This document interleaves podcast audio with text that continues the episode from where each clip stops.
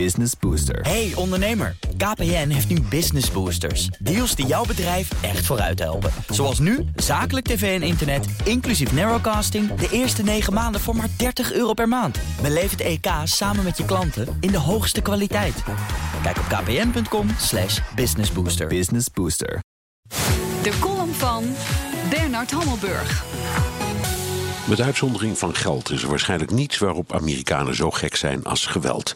Beruchte schurken als Billy the Kid, Bonnie en Clyde, Butch Cassidy en de Sundance Kid, Al Capone, ze werden stuk voor stuk cultfiguren. De hoofdrol van John Wayne tot Quentin Tarantino is altijd weggelegd voor het meest geromantiseerde en begeerde onderdeel, het wapen.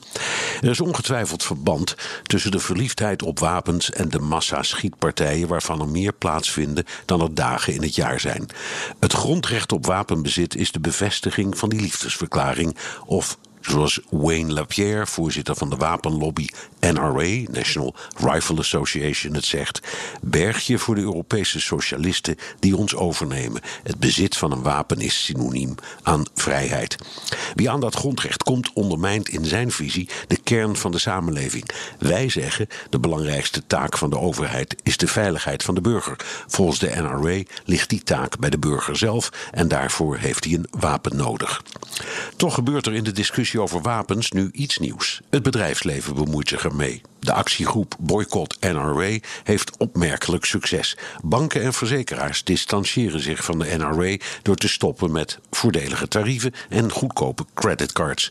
Hotelketens, autoverhuurbedrijven en luchtvaartmaatschappijen Delta en United stoppen met het geven van standaardkortingen voor NRA-leden.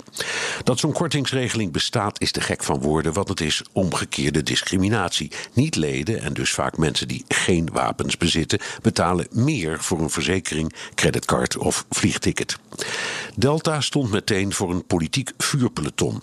Het bedrijf is gevestigd in Atlanta en vice-gouverneur Casey Kegel van Georgia dreigde de luchtvaartreus te straffen door fiscale voordelen en accijnsvrijstelling op brandstof op te heffen. Zijn argument in een tweet: bedrijven kunnen niet het gevecht tegen conservatieven aangaan zonder dat wij terugslaan. De Senaat van Georgia nam onmiddellijk een motie aan om Delta met 50 miljoen dollar belastingen te straffen. Vooralsnog houden Delta en de andere bedrijven de rug recht. Betekent dat iets? Wel degelijk. Prominente ondernemers die zeggen genoeg is genoeg, daar krijgt Washington een harde dobber aan. Niet zo'n harde dobber dat het wapenbezit wordt verboden of dat de hartstocht voor wapens dooft, maar het is een begin.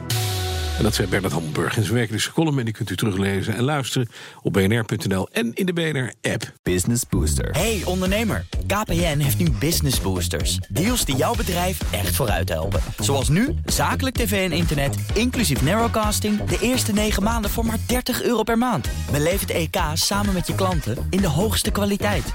Kijk op kpn.com slash businessbooster. Business Booster.